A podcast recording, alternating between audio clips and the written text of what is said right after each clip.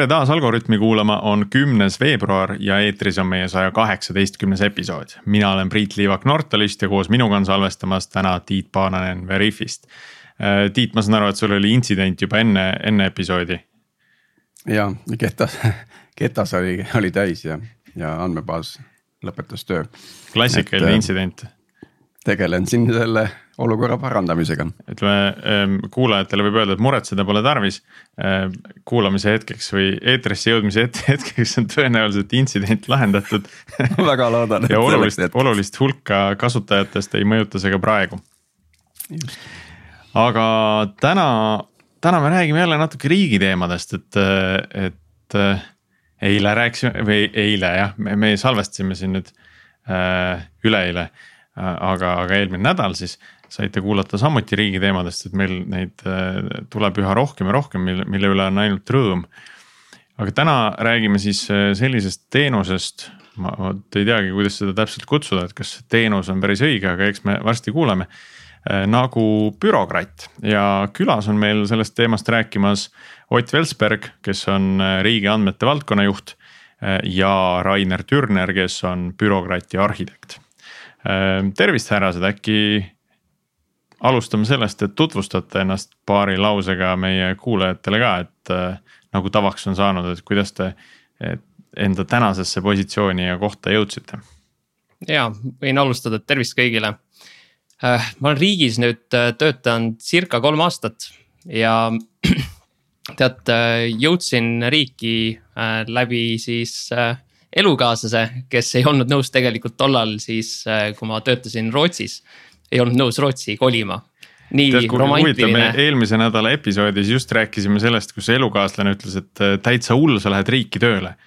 nüüd äh, sina jõudsid nagu sinna läbi elukaaslase.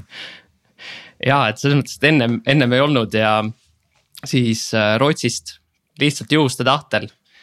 tollal Siim, siis meie eelmine asekantsler, otsis tiimi kahte siis ühte inimest tehnoloogia poolele, Kristo Vaherit ja siis teist andmete poole peale. ja niimoodi me siis Kristoga kolm aastat tagasi circa jõudsime. ja taustast nii palju, et paralleelselt siis informaatika doktorantuuri just lõpetasin ära, et tollal olingi siis ülikoolis üldse tööl. ja üldiselt rollina, nagu tutvustasid ka Priit, siis andmete valdkonna juht. tegelen sisuliselt kogu andmete valdkonna poliitika kujundamise, projektide elluviimise, käivitamisega. mis tähendab sisuliselt alates avaandmetest, äh, siis äh, kratikava ehk siis kuidas me üldse riigis äh, masinõpet, andmeteadust rakendame selle üks spin-off tegelikult, mis oli kaks tuhat üheksateist krati kavas sees. krati kava on siis hellitusnimi nii-öelda tehisintellekti strateegia. oli, et tuleme välja bürokrati kontseptsiooniga, vaatame, kas sellist asja on üldse võimalik teha ja muidugi teised teemad, mis on näiteks andmehaldus, andmete elukäiguhaldus ja nii edasi, et tegelikult see portfell teemadest, millega tiimiga koos töötama, on päris lai. nii ja Rainer. ja mina olen Rainer Türner, ma olen tegelikult kuu aega kauem töötanud riigis kui Ott, kolm pool aastat. ja mina jõudsin riiki ka täiesti tegelikult kogemata. ma ei öelnud kaks, kaks päeva naisele, et, et ma niimoodi teen, et, et teen sellise muutuse. ja, ja tulin Riiasse kolm pool aastat tagasi. minu mõtted arhitektina olid natukene ootamatud võib-olla siin majas. ja Ott ja Kristo Vaher olid kaks esimest inimest, kes siis ükskord delikaatselt kutsuti mind valideerima, et kas inimene võib siia jääda või mitte. ja siis me oleme sellest ajast saadik enam-vähem nendega, Ott ja Kristoga koostööd teinud, et mõtleme üsna ühtemoodi ja varasemalt ma olin siis eh, Riias eh, riigiportaali, ütleme siis back-end'i arhitekt nii, aga täna räägime peamiselt äh, bürokraatist ja ma arvan, et äh, meie kuulajatel oleks väga hea üks, üks kiire kokkuvõte teha, et mis asi siis bürokraat siis ka on, et.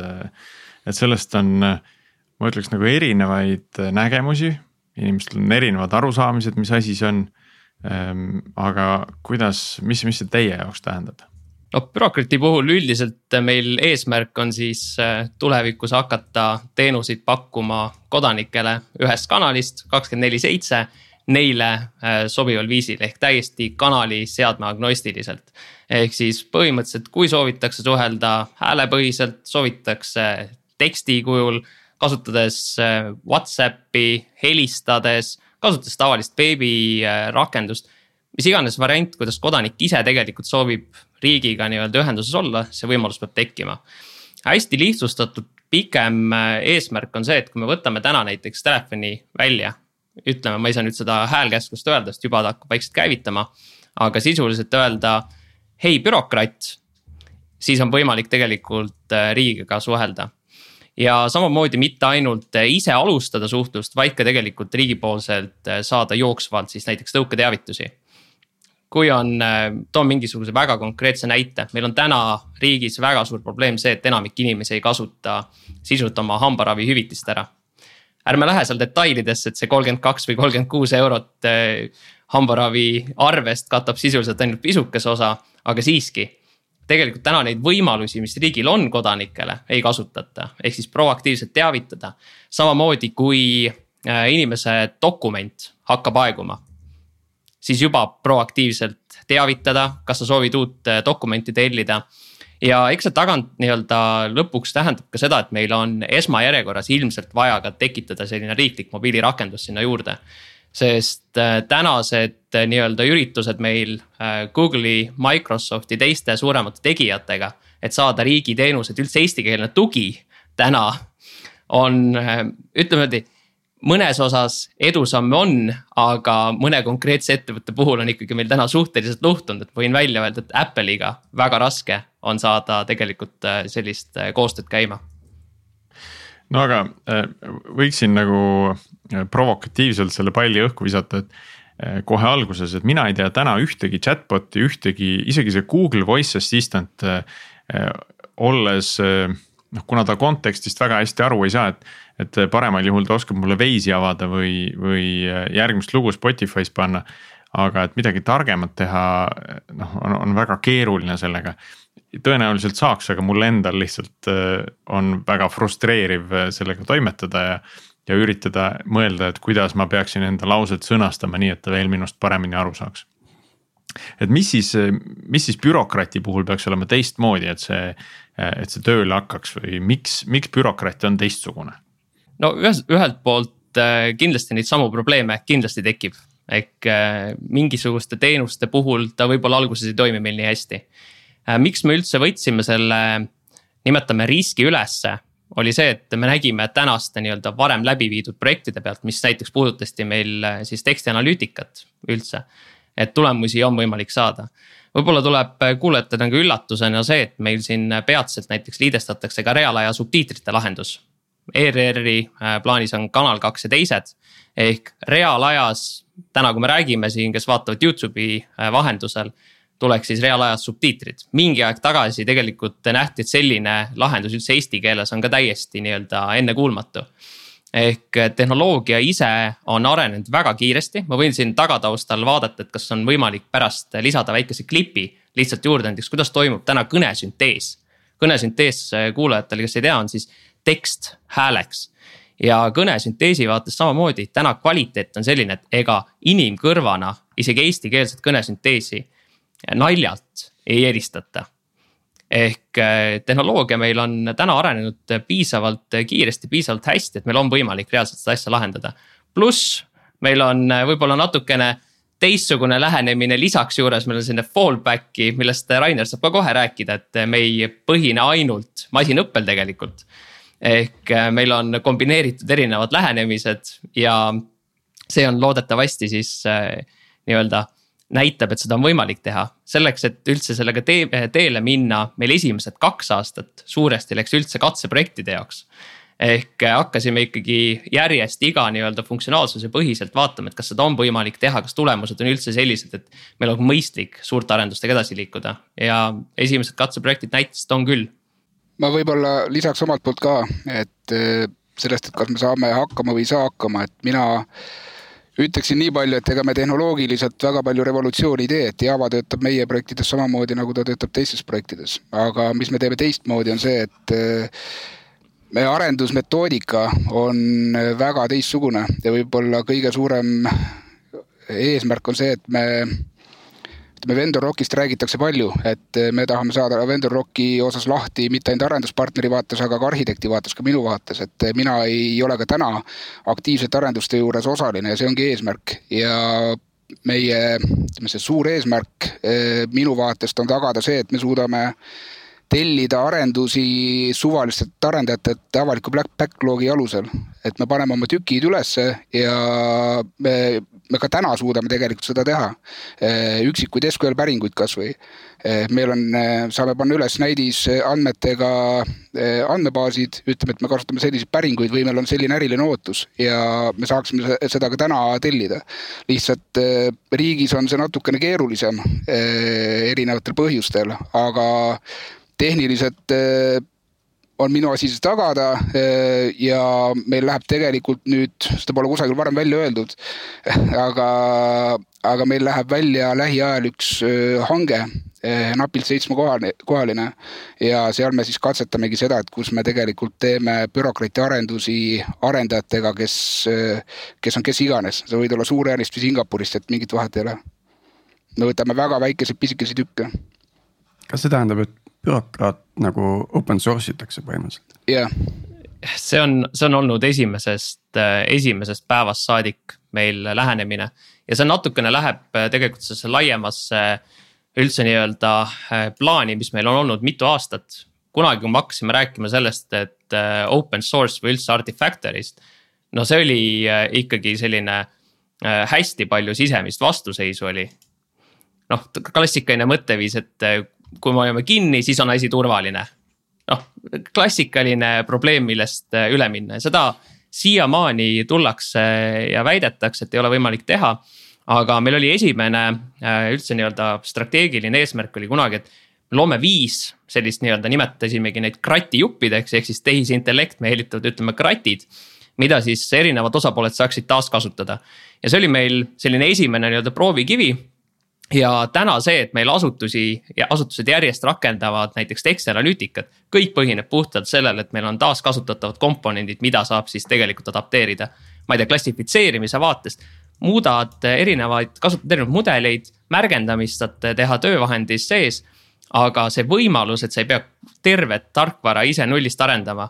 see oli, ütleme nii, paar aastat tagasi ei olnud veel selline klassikaline nii-öelda harjumus juures ja see tegelikult loob, äh, teiselt poolt on ka, äh, Rainer mainis natukene seda koostööd äh, erasektoriga näiteks. et kui me avalikustame logid, teeme näiteks sünteetilise data, mida me saame välja anda, miks mitte mõelda ka tulevikus selle peale, et riik teeb sisuliselt, kes ei tea, näiteks Kaggle keskkonna, teeme võistlusi, kes suudab kõige täpsema klassifitseerimismudeli luua. saab riigilt potentsiaalselt siis mingisuguse äh, prize money auhinnaraha. aga see on jällegi teistsugune mõtteviis, et oleme avatud, teeme koostööd ja seda, see ei ole nii-öelda klassikaline viis, kuidas senini asju on tehtud. ja ma enne mainisin ka natuke, et meil on äh, iga äh,, iga samm oma arendustes on äh, tegelikult äh, ütleme kes iganes saab sellele otsa vaadata konfi tasemel, et kui me räägime kasvõi SQL päringust, siis eh, ükskõik, mis SQL päringut meil süsteemis kasutatakse, et eh, võtad nimekirja ette ja, ja võtad ja muudad seda ja, ja see ei muuda, see ei tee ülejäänud süsteemi kuidagi katki, et saad seda täiesti eraldiseisvalt katsetada ja see käib kõige kohta meil, me saame sisuliselt eh, X-te teenuseid, kui meil on üks X-te teenus eh, pandud püsti, siis järgmise X-te teenuse puhul ei ole vaja ei arhitekti ega arendajat, et eh, tootejuht suudab selle viie minutiga püsti panna, see on ka selline asi, mis on Pokid, muide töötab ühe Nortali libra peal, mida me oleme natukene kõpitsenud vahepeal. Tiit. ja ma tahtsin küsida, kas bürokraat on nagu ekspertsüsteem, mis järgib mingit otsustuspuud või mis hetkel äh, toimub midagi, mida võib nii-öelda nimetada, et äh,. tehisintellektiks. mingi mudel kuskil. selles mõttes ta on äh, tegelikult äh, miks kahest meil, et äh, mm. meil on äh,, Rainer nimetab kiired ja aeglased päringud aga sisuliselt äh, kas. odavad ja kallid. odavad ja kallid mm, -hmm. kiired ja kallid. aga kas äh, sisuliselt on cache'i põhiselt või tegelikult rakendame siis masinõppemudeleid. masinõppemudel võtab oluliselt äh, kauem aega treenimiseks, jooksutamine tegelikult omalt poolt. meil ei ole vaja tegelikult väga kõva äh, virtukat juurde sellest vaatest. ehk ähm, me oleme jaganud seda protsessi ikkagi kahest ja see ei ole täiesti tavaline selline ekspertsüsteem. ehk äh, lühike vastus on, et ei ole jah, ja siin võib-olla mainida ära ka see, et kogu see meie masinõppeprotsess põhineb äh, hajusõppel federated learning ja see tähendab siis seda, et me saame oma teadmuse erinevatelt osapooltelt, eh, no väga piiramatult arvult, keda me selle ökosüsteemis näeme, aga nemad ei saada kunagi oma andmeid meile keskele. ehk siis see treenimine käib iga asutuse juures koha peal ja saadetakse siis tulemused meile keskele ja, ja me uuendame mudelit ja saadame mudelid laiali. millised need äh, asutused on, kellega võib-olla selliseid esimesi kontaktpunkte näha võib äh, bürokraati vahendusel? esimesed äh, kolm asutust, kellega meil täna koostöö käib, on Rahvusraamatukogu, äh, Politsei- ja Piirivalveamet ja siis Tarbijakaitseamet. ehk need kolm asutust on täna, kus meil siis praegult töö käib, et bürokraati juturobot siin lähi, lähikuudel see projekt lõpetada ja juurutada ära ka kõigepealt meil läks üldse laivi äh, klienditeenindaja nii-öelda äh, liides. ja kui me ennem rääkisime sellest bürokrati nii-öelda juturoboti toimivusest. meil probleem on täna jätkuvalt tegelikult olenemata, kas me räägime kõnetuvastusest, kas me räägime juturoboti äh, tegelikult mudelite treenimisest, andmete vähesus ja Tarbijakaitseameti vaates, miks me läksime alguses selle klienditeenindaja vaatega just nende juures laivi, oli see, et tegelikult sisendandmeid on vähe ja kui äh, asutustel ikkagi täna isegi nii-öelda arvuliselt suured asutused on sul pöördumisi kuus võib-olla viissada, seda on vähe. selle, selle data pealt lihtsalt ei ole võimalik tegelikult hakata äh, siis äh, teemasi või nii-öelda isegi žanrite põhiselt kategoriseerima. ehk see on täna puudus meil õnneks on partneri kaasas äh, näiteks Politsei- ja Piirivalveamet, meil bürokrati projektis on meil tegelikult väga palju alamprojekte, kui võtame hästi lihtsa ülesande, on äh, e-kirjade klassifitseerimine õigele inimesele siis edasi suunamine. siis PPA näitel, neil on päevas tuleb sul circa tuhat viissada pöördumist e-kirjadena. sellist e-kirjade isegi edasi suunamise aeg täna on aastas kokku meil asutustel, mõningatel on kuue täistöö inimese aeg on lihtsalt e-kirjade edasisuunamine. automatiseerida äh, kasvõi kaheksakümmend protsenti pöördumistest ära, et suunatakse õigele siis osakonnale või ametnikule, on tegelikult nagu ikka jõhker ajasääst, mis me suudame teha. ja teiselt poolt äh, see mõjutab lõpuks ka siis äh, nii-öelda kliente meie vaatest ise, kellel on pöördumist saadakse kiiremini vastus, ei pea täpselt teadma, milline ametnik nüüd asutuse kahesajast, kolmesajast inimesest tegelikult selle pöördumisega tegeleb. ja üks hetk, mis Rainer rääkis ka sellest nii-öelda äh, hajusõppest või federated learning ust. mõte on panna ka põhimõtteliselt asutuste äh, osa nii-öelda mudelite pealt kokku tegelikult üldine mudel ja suunata edasi ka asut-, nii-öelda õigele asutusele pöördumine, ehk inimene ei pea lõpuks teadma, milline asutus üldse pöördumise eest konkreetselt vastutab. info ette Eesti.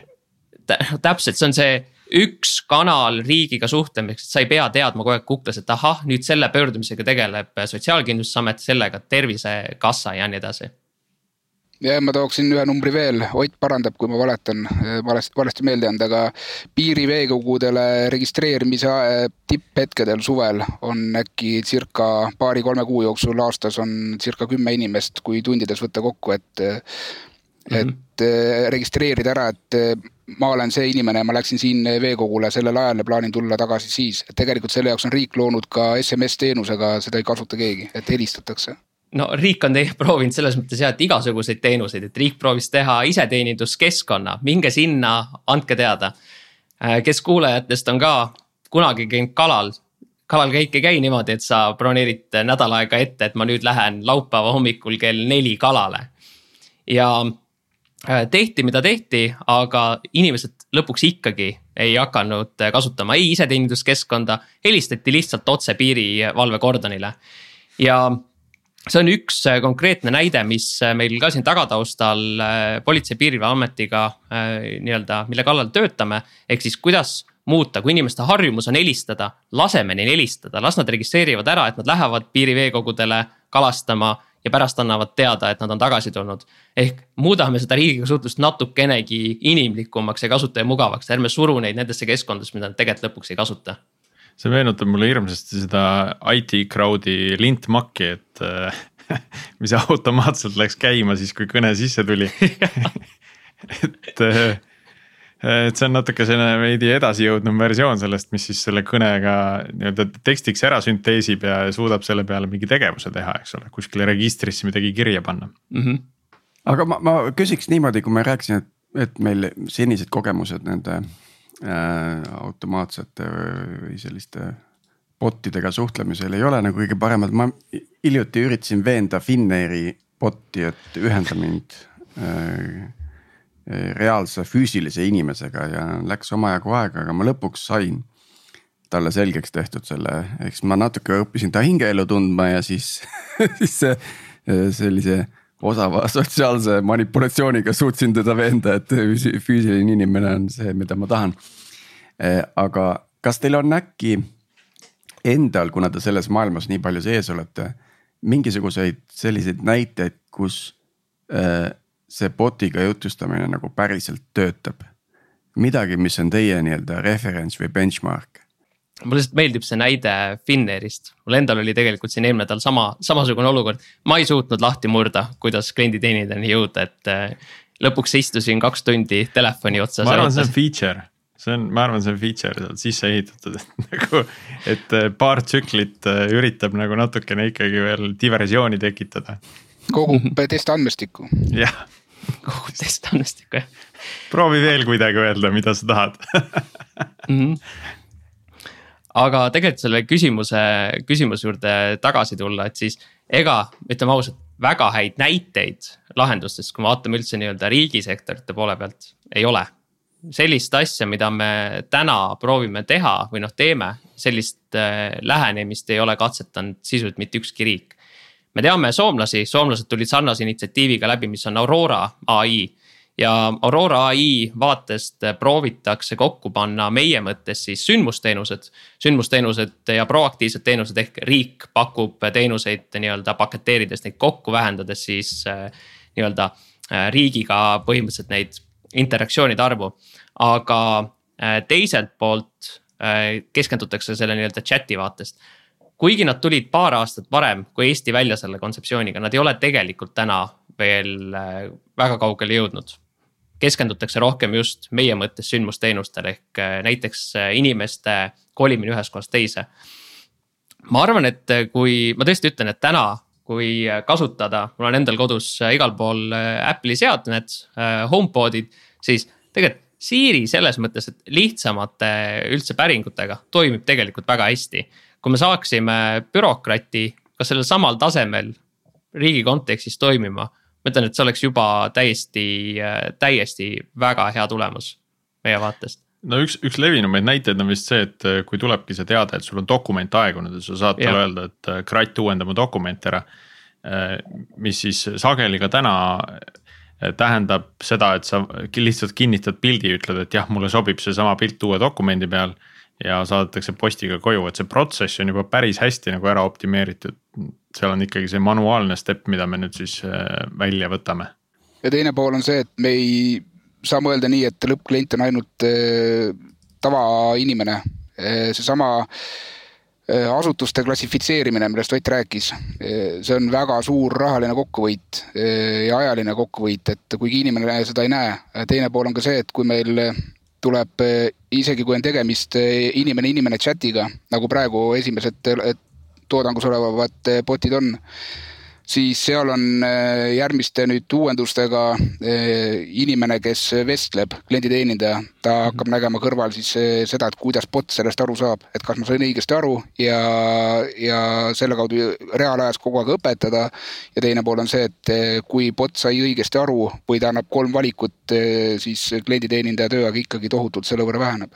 ja, ja lisaks veel see, et kui me alustasime bürokratiga siis me rääkisime omavahel nagu selgeks, et me ei, me ei ehita sahtlisse, et me ei tee arendust, et siis kui on valmis, siis lähme toodangusse, et meil on majas siin Riias on üks inimene, kes kasutab väljendit eh, deploy Uber alles, ma väga olen temaga nõus, et ma tean, teil on olnud üks saade eh, trunk-based arenduse teemal, kus te vist väga ei olnud eh, toetaval seisukohal, et mina näiteks olen ka väga toetaval seisukohal, et lähme, lähme võimalikult kiiresti toodangusse ja, ja hoiame need veaolukorrad siis nii väikestena, et kui, kui ta tekib, siis ta liiga palju kahju ei tekita. No teatud situatsioonides ma, ma näen ka siin bürokraatidel seda väärtust, et see on ikkagi selline eksperimenteerimise faasis. Äh, et tuleb aru saada, mis täpselt töötab ja mis mitte, et. Äh, et kui me saame võimalikult vara teada, et, et inimesed tegelikult selle bot'iga rääkida üldse ei tahagi, nagu nad ei taha SMS-iga endale seda kalastusluba tellida võib-olla kõige aktiivsemalt. ja, ja ma tean palju, kes, kes seda SMS-i kasutavad ühesõnaga, et kui sellel väärtust ei ole ja see arendushind on suurem, et noh, kas siis on mõistlik teha või tuleb mingi teine tee valida mm, -hmm. et see annab äh, kiiresti nii-öelda selle pivot'i võimaluse. Ja ma lihtsalt äh, natukene tegelikult seda esimese valideerimise, kas inimesed tahavad rääkida või mitte, me saime üldse Covidi esimese laine ajal. kunagi pandi üks äh, küll mitte kõige targem kommertslahendus pandi püsti, ei töötanud halvasti ka, aga konkreetsetel teemadel siis vastas Covidiga seotud küsimustele seal see inimeste arv, me räägime ikkagi äh,, oli suurusjärgus seal kakskümmend, kolmkümmend tuhat äh, pöördumist äh, kuus.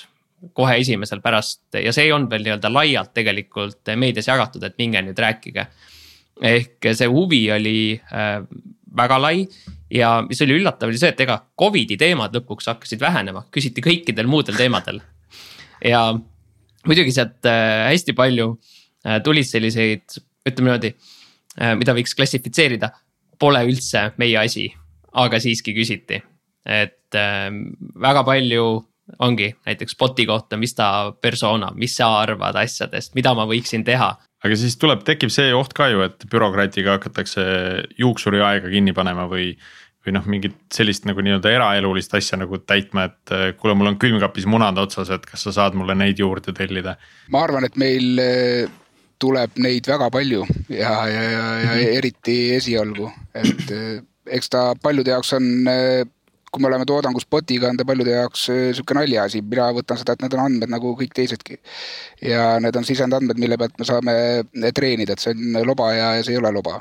et meil on ka projekt Anneta kõned tulemas, mis on tähendab seda, et inimesed eh, võta telefon või mikrofon ja, ja räägi meiega ükskõik mida, et me lihtsalt tahame seda sisematerjali, et kui on muna tellimine chatbot'ist, siis see on tegelikult samamoodi mhm. õppematerjal mm. -hmm ja ma lihtsalt lisan ära, et eh, see tegelikult me saame sellest probleemist aru, et mis on andmete nii-öelda vähesusega käib kaasas, et Rainer mainis näiteks andmete kõned projekti. see tuleb see aasta kampaania ja eesmärk on see, et inimesed helistavad ja räägivad siis eh, nii-öelda spontaanset kõne korjame erinevatel teemadel, mis nad mõtlevad, arvavad. ja lõpuks eesmärk, miks me seda teeme, transkribeerime selle teksti ära ja kasutame kõnetuvastuse siis edasiarendamiseks. ehk meil kõnetuvastuse täpsus areneks. noh, siht on meil selline kaks tuhat kakskümmend viis aastat, võiks ju jõuda üheksakümne viie protsendini äh, kuulajatel üheksakümmend viis protsenti on inimese selline nii-öelda kuulamise veamäär, mis see tähendab, on see, et me täidame need vead meil tekstis, mida me kuuleme ise tegelikult jooksvalt ära, me teeme samamoodi vigu rääkides, kuulamisel samamoodi. Ehk äh, see on meil see nii-öelda pikem eesmärk ja kui soomlased poolnaljatades äh, kogusid vist seal umbes neli tuhat tundi. me võiksime koguda riigina neli tuhat ja üks tundi kõnet. ehk äh, see oleks see eesmärk, mis puudutab seda nii-öelda loba, mis räägitakse või nii-öelda erinevatel teemadel ega mitmed uuringud on näidanud, et ega see nii-öelda selline psühholoogiline efekt on päris oluline ka. Et äh, meil on üks äh, nii-öelda paralleelne kõrvalprojekt on koostöös Microsofti, äh, Tartu Ülikooliga ja Tartu Ülikooli Kliinikumiga, kus ongi just nii-öelda häälepõhine robot Pepper räägib siis lastega, psühholoogiline nõustamine ja seal on, äh, lapsed usaldavad tegelikult robotit oluliselt rohkem kui inimesi. tulevad, kallistavad neid, ütlevad, et äh, tšau robot, näeme varsti uuesti. et me unustame võib-olla tihtilugu selle teise poole ära, et kui inimene tahabki rääkida, äh, mida ta võiks tellida. võib-olla ongi see üks hetk, kus meil tulebki nii-öelda, võib-olla halb nimi on psühhokratt nimetada seda, aga siiski. mõte on see, et toetame siis inimesi, tahavad rääkida, kodus on üksi igav, miks mitte aga noh mm -hmm., kindlasti siin peab mingisugune äriline, äriline kasu meil sees olema. mõtlen seda, et mind huvitaks see pool just, et, et äh, tundub jube palju sellist jalgratta leiutamist ja ma selles mõttes äh, saan väga hästi aru, et see on vajalik, et eesti keele toetus suureneks, aga Äh, aga, aga, aga kas äkki bürokraadil võiks olla nagu mingi apikiht, mis äh, ma ei tea, Alexa ja Siri ja Hey Google'iga nagu ka äh, suhestub, et kui ma ütlen Hey Google, wanna talk to Estonia, et siis ta pumm äkki suunab seda vastu Eesti API-t ja, ja läheb eesti keeles kraam edasi või midagi sellist. sest mm -hmm. terminalides nagu välja jõuda selle nii-öelda bot'iga no ma, no on ühesõnaga, see on ikka väga suur ülesanne, et kuidas, sest seal on nii vähe ruumi selle tähelepanu jaoks nagu inimesel, et. ta peab nagu eraldi avama mingisuguse, ma ei tea, äpi selle jaoks ja hakkama seal suhtlema, et. tehniliselt ja, jah, äriliselt on Oti Kaupo töö siis ära tuua, et ega muud midagi ja no lühidalt ma võingi öelda, et ega meil suhtlus käib kõigiga, me oleme pakkunud mm, -hmm. kes on võib-olla siin paari aasta jooksul näinud, et näiteks äh, Google'i masintõlke kvaliteet on paranenud, samamoodi mm -hmm. siin äh, Azure'il. siis kasutatakse avaandmeid, me oleme koondanud kokku meil nii tõlkekorpuseid, heliandmestikke, mida saab siis kasutada konkreetselt. me oleme pakkunud täna ka meie enda nii-öelda komponente tegelikult, tulge, kasutage, integreerige võtame näiteks Amazon Alexa, me ei ole nii kaugele jõudnud, aga ma võin öelda, et siin kahjuks äh, paari ettevõttega, see on täna reaalselt ka laual. Äh, kus eestikeelne tugi puudub, ehk äh, see kvaliteet ja see nii-öelda koostöö meil käib tagataustal. aga kui üks hetk on eestikeelne tugi olemas, ma ei tea, Alexa on võib-olla selles mõttes, et halb näide, et meil kasutajaid ei ole Eestis Alexa vaatest väga palju, et see ärikasu on sisuliselt ainult Amazonis ostmisel ehk sealtpoolt põhimõtteliselt rakendada lihtsalt meil äh, masintõlge. aga muus osas täiesti, ma olen täiesti nõus sellega, pikem perspektiiv peakski olema see, et me ei pea laadima alla mitte ühtegi eraldiseisvat rakendust. inimene saabki lihtsalt võtta endale seadme välja, öelda hei bürokratt ja tegelikult ongi võimalik asuda suhtlusesse mm. ja tehnilise poole pealt ma lisaksin, et kui vaatame arendusplaani praegu, siis me võiksime olla valmis Äh, kvartal kolmes äh, nii kau-, nii kaugel, et äh, kõik, mis meil on sisemised teenused e, e-teenuse, ütleme, sisemised teenused isegi funktsioonide tasemel on, saad võtta need ette, sa saad neid liivakastis ükshaaval mängida. ja sa näed, kuidas neid on kasutatud selleks, et erinevaid ärilist väärtust loovaid teenuseid on kombineeritud kõik conf'ide tasemel, samamoodi nagu sa Jenkins faili kirjutad või, või Dockerit. ja, ja sa saad neid ise kombineerida nii, nagu tahad ja selles mõttes see teenuste loomine, et kas keegi tahab meiega ühilduda, siis see info kõik on olemas, meil on hetkel on ilus tühi GitHubi repo github.com kaldkriips puerokratt ja nüüd meil on tulemas uued hanked ja nende uute hangetega on siis kõik arendused lähevad otse sinna, arendajamasinast mm. sinna ja, ja, ja kõik on täitsa avalik. Nii et see, see reliisplaan on ka seal olemas nagu avalik ja hallatakse kui open source projekti põhimõtteliselt. reliisplaan on kogu aeg mm. See on seal kratikava lehel äh, olemas? ei, ei Git, Gitis, äh, koodivaramus. Okay.. Äh, GitHubis koodivaramu on GitLab, me ja.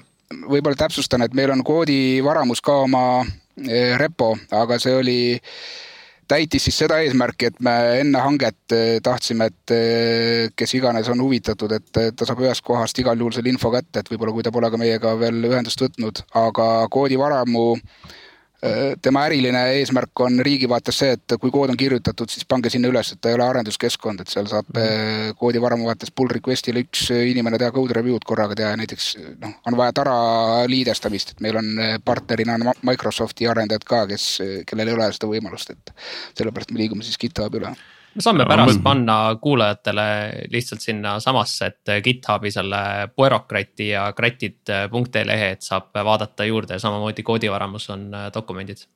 ja ma, Tiit, mõtlesin pigem seda, et äh, teekaart järgmiseks aastaks nii-öelda mm. suur, kõrgel tasemel äh, arenduse roadmap on, on seal krattide lehel aga seal detailselt jah, meil iga arendusprojekt eraldi ei ole välja toodud, aga high level, mis on plaanis, millal teha, on olemas seal aga vaataks äkki sinna arhitektuuri ka sisse, et, et. oota, enne kui me sinna läheme, mul on üks mm., üks selline natuke äriline teema veel, et mm, -hmm. et bürokraati eelduseks täna on päris mitu sellist huvitavat arendust. noh, sinna taha tuleb ütleme, ühel hetkel hakkab ka nõusoleku teenus bürokraati toetama, eks mobiilirakendusest juba nagu räägiti. aga samas see ei ole otseselt ka eeldus bürokraati loomiseks ja kasutuselevõtuks, eks. Äh, sõnumiruumide äh, temaatika, mis justkui peaks nagu X-tee sisse tulema, võib-olla. aga noh, samas see on ka nagu välise osapoole ehk siis niisi juhtida, et kas ja kuna see tuleb ähm, artiklivaramu on sellega seotud natukene, ma saan aru. et kuidas te sellega toime tulete, et noh, siin on nii palju neid nagu väliseid asju, et ütleme ähm,. Niis ütleb, et sorry, et seda sõnumiruumi ei tule veel nagu aasta ja noh, et mis siis saab, et on, on nagu plaan B ka kõikide nende teenuste jaoks olemas meil on selles mõttes lühidalt öeldes on, et meil on kõigi, kõigi teenuste peale, kui nende väliste nii-öelda osapoolte sõltuvusest midagi juhtub siis äh, saame ise tegelikult ongi näiteks standardkomponendid Bigstacki vaates samamoodi. ehk me oleme sellega arvestanud, et kui võtamegi see Niisi näide, äh, väga hea näide. meil nüüd küll töötame ühe võimaliku sellise POC projekti äh, kallal, et valideerida ära ka siis põhimõtteliselt nendepoolne nii-öelda X-room vastab vajadustele või mitte, tehniline siis POC. aga kui sealt peaks tegelikult realiseerimine ise väga pikalt aega võtma, me peame kohe kiiresti tegelikult enda nii-öelda alternatiivi äh, käivitama mm. -hmm. pluss see, on... et, et, et kas see sobib, mis nad üldse välja pakuvad, sest me äh, täna on vist ikkagi üsna vähe infot selle kohta veel. ta on selline õhuke jah, õhuk on hea, primitiivne on hea, aga äh, Oti jutu täienduseks siis nii palju, et Ott mainis Pükstacki, Pükk on PYK on siis meil sisemiselt bürokrati lühendnimi ja, ja Pükstack on siis lühendkompo või koond, kokkuvõte komponentidest, mis on meil teenuse osutamiseks vajalikud, mis on meie enda custom arendused. ja nende osas võib-olla detaili praegu ei lähe, et GitHubis äh, kahe nädala jooksul äh, on kindlasti kõik see info ära kirjeldatud ja avaldatud, et kuidas teenuseid lüüa, luua ja, ja nii edasi, kuidas need järgmised arendused hakkavad käima. Aga meil ongi algusest peale olnud läbiv eh, lähenemine see, et kõik, mis meil on vaja teenuse pakkumiseks teha, me vaatame, et ta meie stack'is on olemas, aga me, me oleme kogu aeg valmis selleks, et me saame neid tükke välja vahetada, sest et kui me räägime nüüd masinõppest ja mingitest väga peentest, noh pe,, mingid peened olukorrad, ei ole mõeldav see, et üks riigiasutus ühe osakonnaga ja MKM-i toel teeb neid asju paremini kui, kui mingi noh, keegi teine näiteks. et meil on võimekus neid oma komponente väga kergesti välja vahetada, meil on võimalik, võimekus ka täna tehniliselt panna äh, Eh, paralleelselt sama tööd tegema erinevad eh, eh, komponendid toodangus näiteks. päringuid teenindab meie enda komponent, aga teeme nii-öelda Y-it võrgu tasemel ja paneme siis sama tööd tegema ka mingi muu alternatiivse lahenduse, siis pärast mõõdame, et mis teeb paremini ja kas andmebaasi sissekanded on ikka täpselt nii, nagu peab ja, ja siis saame selle kindluse üle minna eesmärk ei ole arendada enda asju rohkem kui vaja, et eh, näiteks ma ütlen, et meil on täna Pükstacki kogu see viis või kuus komponenti, mis meil eh, sellised, ütleme, post päringute tegemise tasemel asjad ja andmebaasi päringute tegemisel asjad ära katavad nende Refacto tuleb nüüd, äh, loodame arendama hakata märtsis, et veebruaris tulevad hanked välja, see ongi siis see hange, kus tegelikult kes iganes saab tulla ennast pakkuma, et vahet pole, kas sa oled ettevõtja või FIE või vahet pole, kes. ja nende puhul äh, me täna põhineme minu varasema töö käigus loodud komponentidel, mille me siis kirjutame nüüd nullist ümber.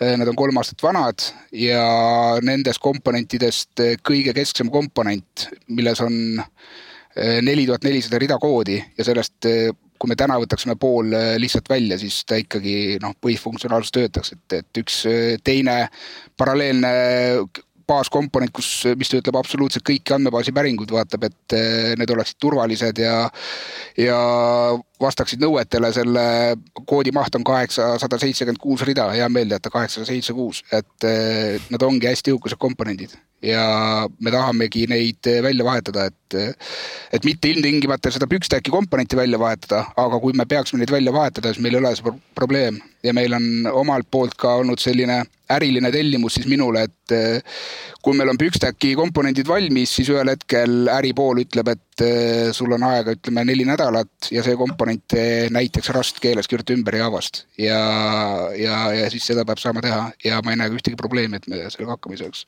ja, ja seal lihtsalt lisada juurde, et selle mõte on ka see, et kui me tahamegi näiteks ükskõik, ma ei tea äh,, häältekstiks äh,, masintõlke, ükskõik millist komponenti tegelikult ka vahetada ära tulevikus. saame seda lihtsalt teha põhimõtteliselt konfi tasemel, that's it. Ja samal ajal on see, et kõik need äh, baaskomponendid, kuhu me te tegelikult täna ka reaalselt investeerime raha, ma ei tea.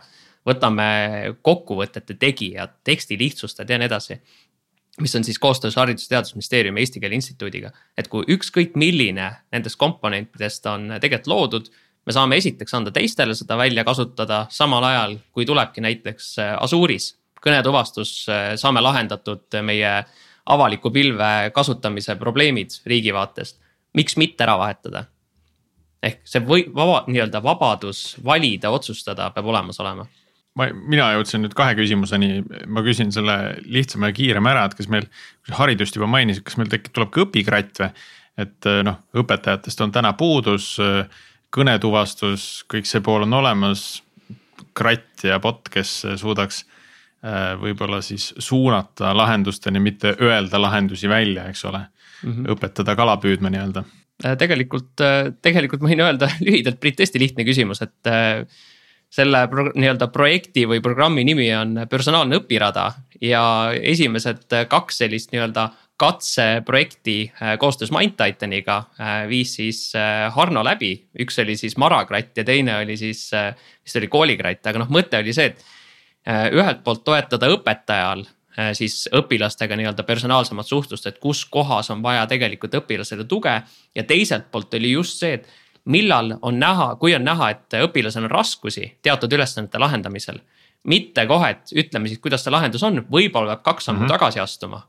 See on teistmoodi kratt natukene. täpselt, noh, see on teistmoodi kratt, aga miks mitte üks hetk mõelda ka nii kaugele, et seal on mingisugune teistsugune interface vahel, et noh, see on, see on juba tegelikult äh, siis juba äri poole otsustada, kuidas seda lahendada. aga jah, lahendus tagataustal käib ja tulles nüüd selle Tiidu küsimuse juurde tagasi, et, et kui me räägime tehnoloogiast äh, Äh, veel ja, lähemalt. mis liidesed seal nagu on ja mis sealt edasi hakkab juhtuma? kui võtta nagu mingid äh, noh, et, et Java, Javaks, aga, aga et äh, millised enamlevinud komponendid on, et noh, Pükstack on selline in-house asi või maja sees tehtud asi. aga midagi, mida, mida meie kuulajad ka ära tunneks, et, et mille peale see tehtud on. võib-olla Rasa on, on asi, mida kuul-, tuntakse mm -hmm. ära Nginx äkki tuntakse ära. et äh, Kibana. Äh, kasutame Nginxi. aga, aga lähme sealt, lähme sealt liideste tasemelt äkki, äkki allapoole, et, et ma saan aru, on häälliides ja tekstiliides bürokraatiga suhtumiseks või? Äh, häälliides tuleb meil, häälliidest okay. hetkel ei ole. nii et põhimõtteliselt chatbot, eks ju, nii, chat'i aken, on ju mis seal on siis, mis sealt edasi, kuhu see läheb, kuskilt mis seda fronti toetab? no mõtlengi, et noh, et. Äh, ärilisel, tehnilisel. kuskil on siis, tehnilisel just see on arendajatele vaata tahaks nagu lihtsalt nagu maalida nagu seda pilti, et. kui nad selle repos pärast ette võtavad, siis nagu on juba, saavad asjad kokku panna omavahel. okei okay., no meil on äh, arhitektuur tehniliselt selline, et meil front-end teeb väga vähe loogikat, midagi peab kuskil ikka tegema, mingit nuppu värvima, aga mm, -hmm. aga front-end saadab meile ühtse, ühele kesksele komponendile nimega ruuter oma trigger'i ja ütleb, et sisend on selline, saadab kaasa kõik header'id, eh, kogu info, mis, mis vähegi on.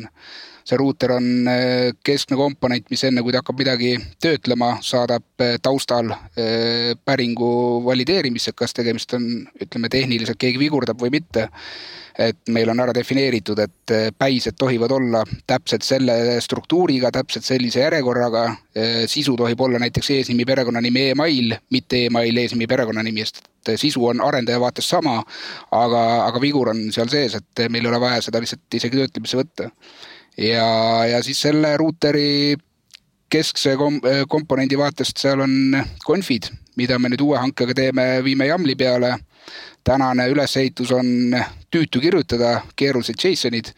selle lihtsustame väga oluliselt ära ja, aga see mõte on sama, mõte on see, et sul on äh, iga teenuse kohta äh, on conf'i fail ja ruuteri conf'i fail on lihtsalt siis sul on öeldud, et esimene samm, valideeri näiteks, et äh, kas kasutaja on autentitud ja kas ta autentimine on noh, valiidne selle teenuse jaoks. ja selle jaoks ta lihtsalt võtab sissetuleva päringu, võtab header'ist näiteks JVT info ja saadab selle eraldi endpoint'i, mis on nüüd täiesti ruuteri väline, see võib olla Keycloak, ta võib olla meie oma custom TIM. ja kui nüüd see vastus tuleb tagasi, sealt öelda, öeldakse, et jah, et äh, sessioon on valiidne, mina olen selle JVT signeerinud, äh, siis, siis on conf'is öeldud järgmine samm on näiteks teie andmebaasi päring, siis võetakse andmebaasi päringu jaoks on conf'is kirjeldatud, et endpoint on komponent RSQL nagu REST SQL ja pannakse sinna sisend kaasa, selle SQL-is võid vahetada ükskõik mille vastu.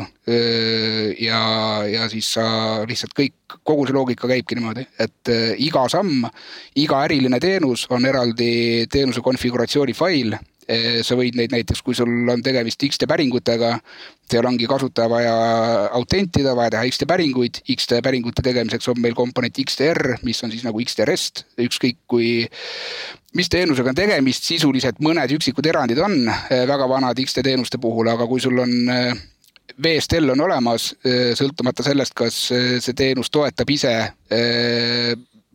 native kujul REST teenust või mitte, et meie komponent siis võtab iga VSTL päringu, teeb X, tähendab, teeb REST päringuks ja, ja annab siis vastuse ka REST formaadis.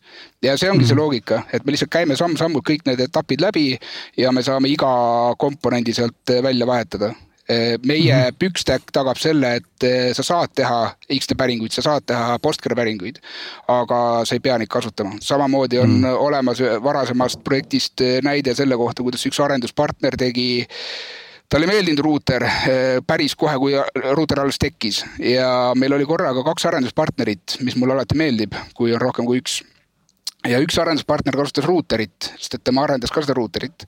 ja teine arenduspartner tegi kõik front-end'i päringud otse back-end'i, lihtsalt, lihtsalt kogu aeg niimoodi.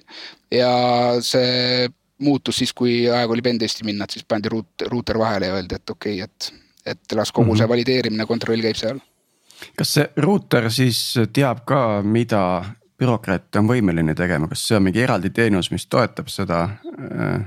Seal ei ole mitte ühtegi äriloogilist mm. rida mitte ühegi meie komponendi sees, et samamoodi nagu Outlook või Docker, et mm -hmm. vahet pole, kes seda kasutab, et sa ise kombineerid selle teenuse. põhimõtteliselt ruuter on komponent, mis teeb sul post päringut ja kui post päringute töötlemisest tuleb midagi muuta, siis sa muudad selle seal ruuteri tasemel, aga see on võib-olla mm -hmm. kolm rida koodi. ja, ja, aga kus on see konf, et mida bürokraat suudab teha?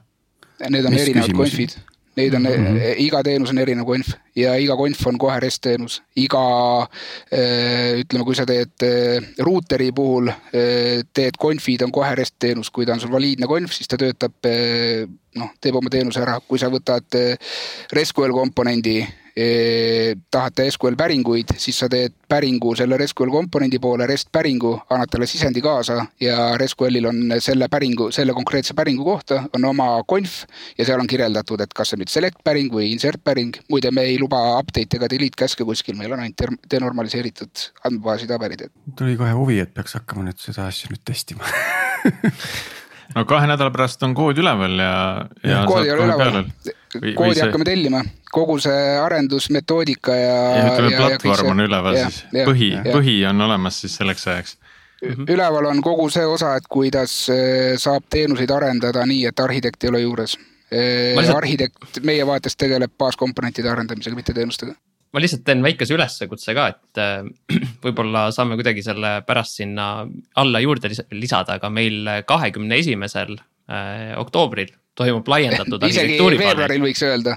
oih, veebruaril jah, veebruaril toimub äh, laiendatud arhitektuuripaneel, mille mõte on tegelikult see, et kõik erasektorist huvilised, kes tahavad kaasa mõelda, anda tagasisidet meil arhitektuuri lähenemiste kohta, saavad seda teha, ehk kui me räägime sellest avatusest siis me tahame viia tõesti nagu üks samm edasi veel, et me oleme avatud reaalselt, räägime kõigi osapooltega, kes on huvitatud üle, kuidas me asju teeme. saame head tagasisidet. Ehk kakskümmend üks veebruar toimub meil siis tegelikult numbrist Nokia teine. kontserdimajas.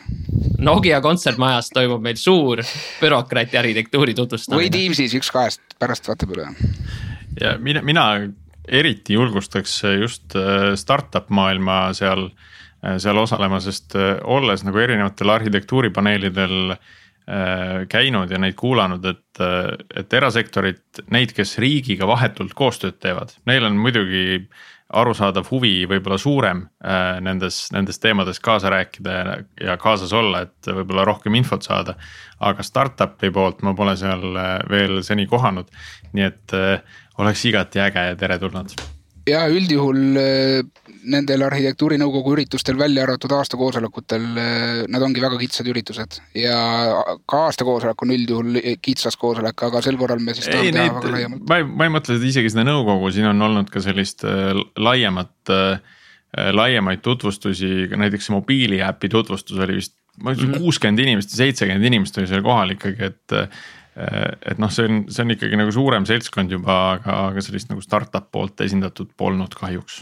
Mm, tõesti ei ole, äh, mõned üksikud, mõned üksikud ettevõtted on tegelikult olnud üksikud korrad, aga need on väga olnud äh, nišiga, nišipõhiselt, kus tullaksegi lihtsalt jällegi enda ärihuvide eest lähtuvalt, kes tegeleb mõne konkreetse väga kitsa teemaga, võtamegi näiteks mingi kõnetuvastusega, siis tullakse koha peale sinna. nii et teeme nüüd kakskümmend üks veebruar teistmoodi ja et ma saan Teeme. lubada, et eh, ei ole mitte ühtegi joonist selle kohta, et kuidas äriliselt üks komponent suhtleb teisega ja mis järjekorras, et eh, ka oma tiimi sees võib-olla ma ei ole populaarne, kui ma seda alati ütlen, aga ma ütlen, et äri, äriloogika ei ole tähtis minu vaatest, et teie öelge ja, ja meie me, me saame ka tänast ilusti niimoodi kokku panna, et, et me ei räägi sellest, mis komponendid, mis komponendiga suhtlevad siis, kui tuleb tekstisõnum sisse, et see ei ole tähtis nii, aga nüüd meie tänase episoodi aeg on, on ka jõudnud sinnamaale, et tuleks hakata otsi kokku tõmbama. ja ähm, ma arvan, et see üleskutse siin lõpus oli nagu täiesti kohane ähm,. kas on veel midagi hingel bürokraati kohta, mida tahaks kindlasti veel tänases episoodis välja öelda, millest, millest me rääkida ei jõudnud? ma arvan, teen lihtsalt laiema üleskutse, et kui keegi näeb, et see, mida te teete saaks kasu sellest, mida me riigi vaatest arendame ja ka tegelikult vastupidi, võimalust äh, panustada projekti, siis äh, tõesti. Äh, võtke ühendust, räägime ja teine pool on see, et kui meil nüüd siis need kõik laiemad andmete põhimõtteliselt annetamise kampaaniad välja lähevad, panustame kõik. tegelikult sellest lõpuks oleneb see, kas meil on ka siis äh, võimalik elada eestikeelses inforuumis tulevikus või mitte ja kasutada teenuseid oluliselt paremal kvaliteedil ja muuta ligipääsetavaks, et. selle väikese lihtsalt sellise südamele panen, et panustame kõik siis sellesse. ma äkki kutsun ka üles, et äh, esimene pool on see, et äh, kõik arendus arenduses vähegi kogenud äh, spetsialistid, äh, hoidke meie asjadel silma peal, sama avaarenduse vaatest, et äh, sa ei pea olema viis aastat full stack kogemusega, et võib-olla sa oled ainult väga hea andmebaasi päringute kirjutaja, meid väga huvitab see. Ja, ja täpselt selline kindel nišš. Ja, ja teine üleskutse on see, et meil on bürokraati tiim väga aktiivselt laieneb ja Kaupo Laagriküll on meie meie osakonna juhataja, et eh, kui pakkus kellelegi huvi, et siis küsige ja, ja võtke ühendust, et eh, mis on tulemas ja mis on võimalused. makstud teadaannete tund. Siin tuleb see kõll vahele panna, et eh, millal hakkab ja lõpeb. Ehm, aga aitäh teile osalemast, oli, oli väga huvitav episood ja aitäh ka meie kuulajatele, endiselt ootame soovitusi, ettepanekuid tulevaste teemade kohta, et mida, mida te veel tahate kuulda, äh, millest kindlasti rääkida võiks. Äh, neid ikka aeg-ajalt tuleb sisse ja kõigile seni soovitajad, soovitusi esitanutele oleme, oleme tänulikud. Äh, pilte pole siiani ühtegi saanud, lihtsalt fun fact, et, et jään huviga ootama, millal neid tulema hakkab. aga jääme kuulmiseni siis järgmisel nädalal.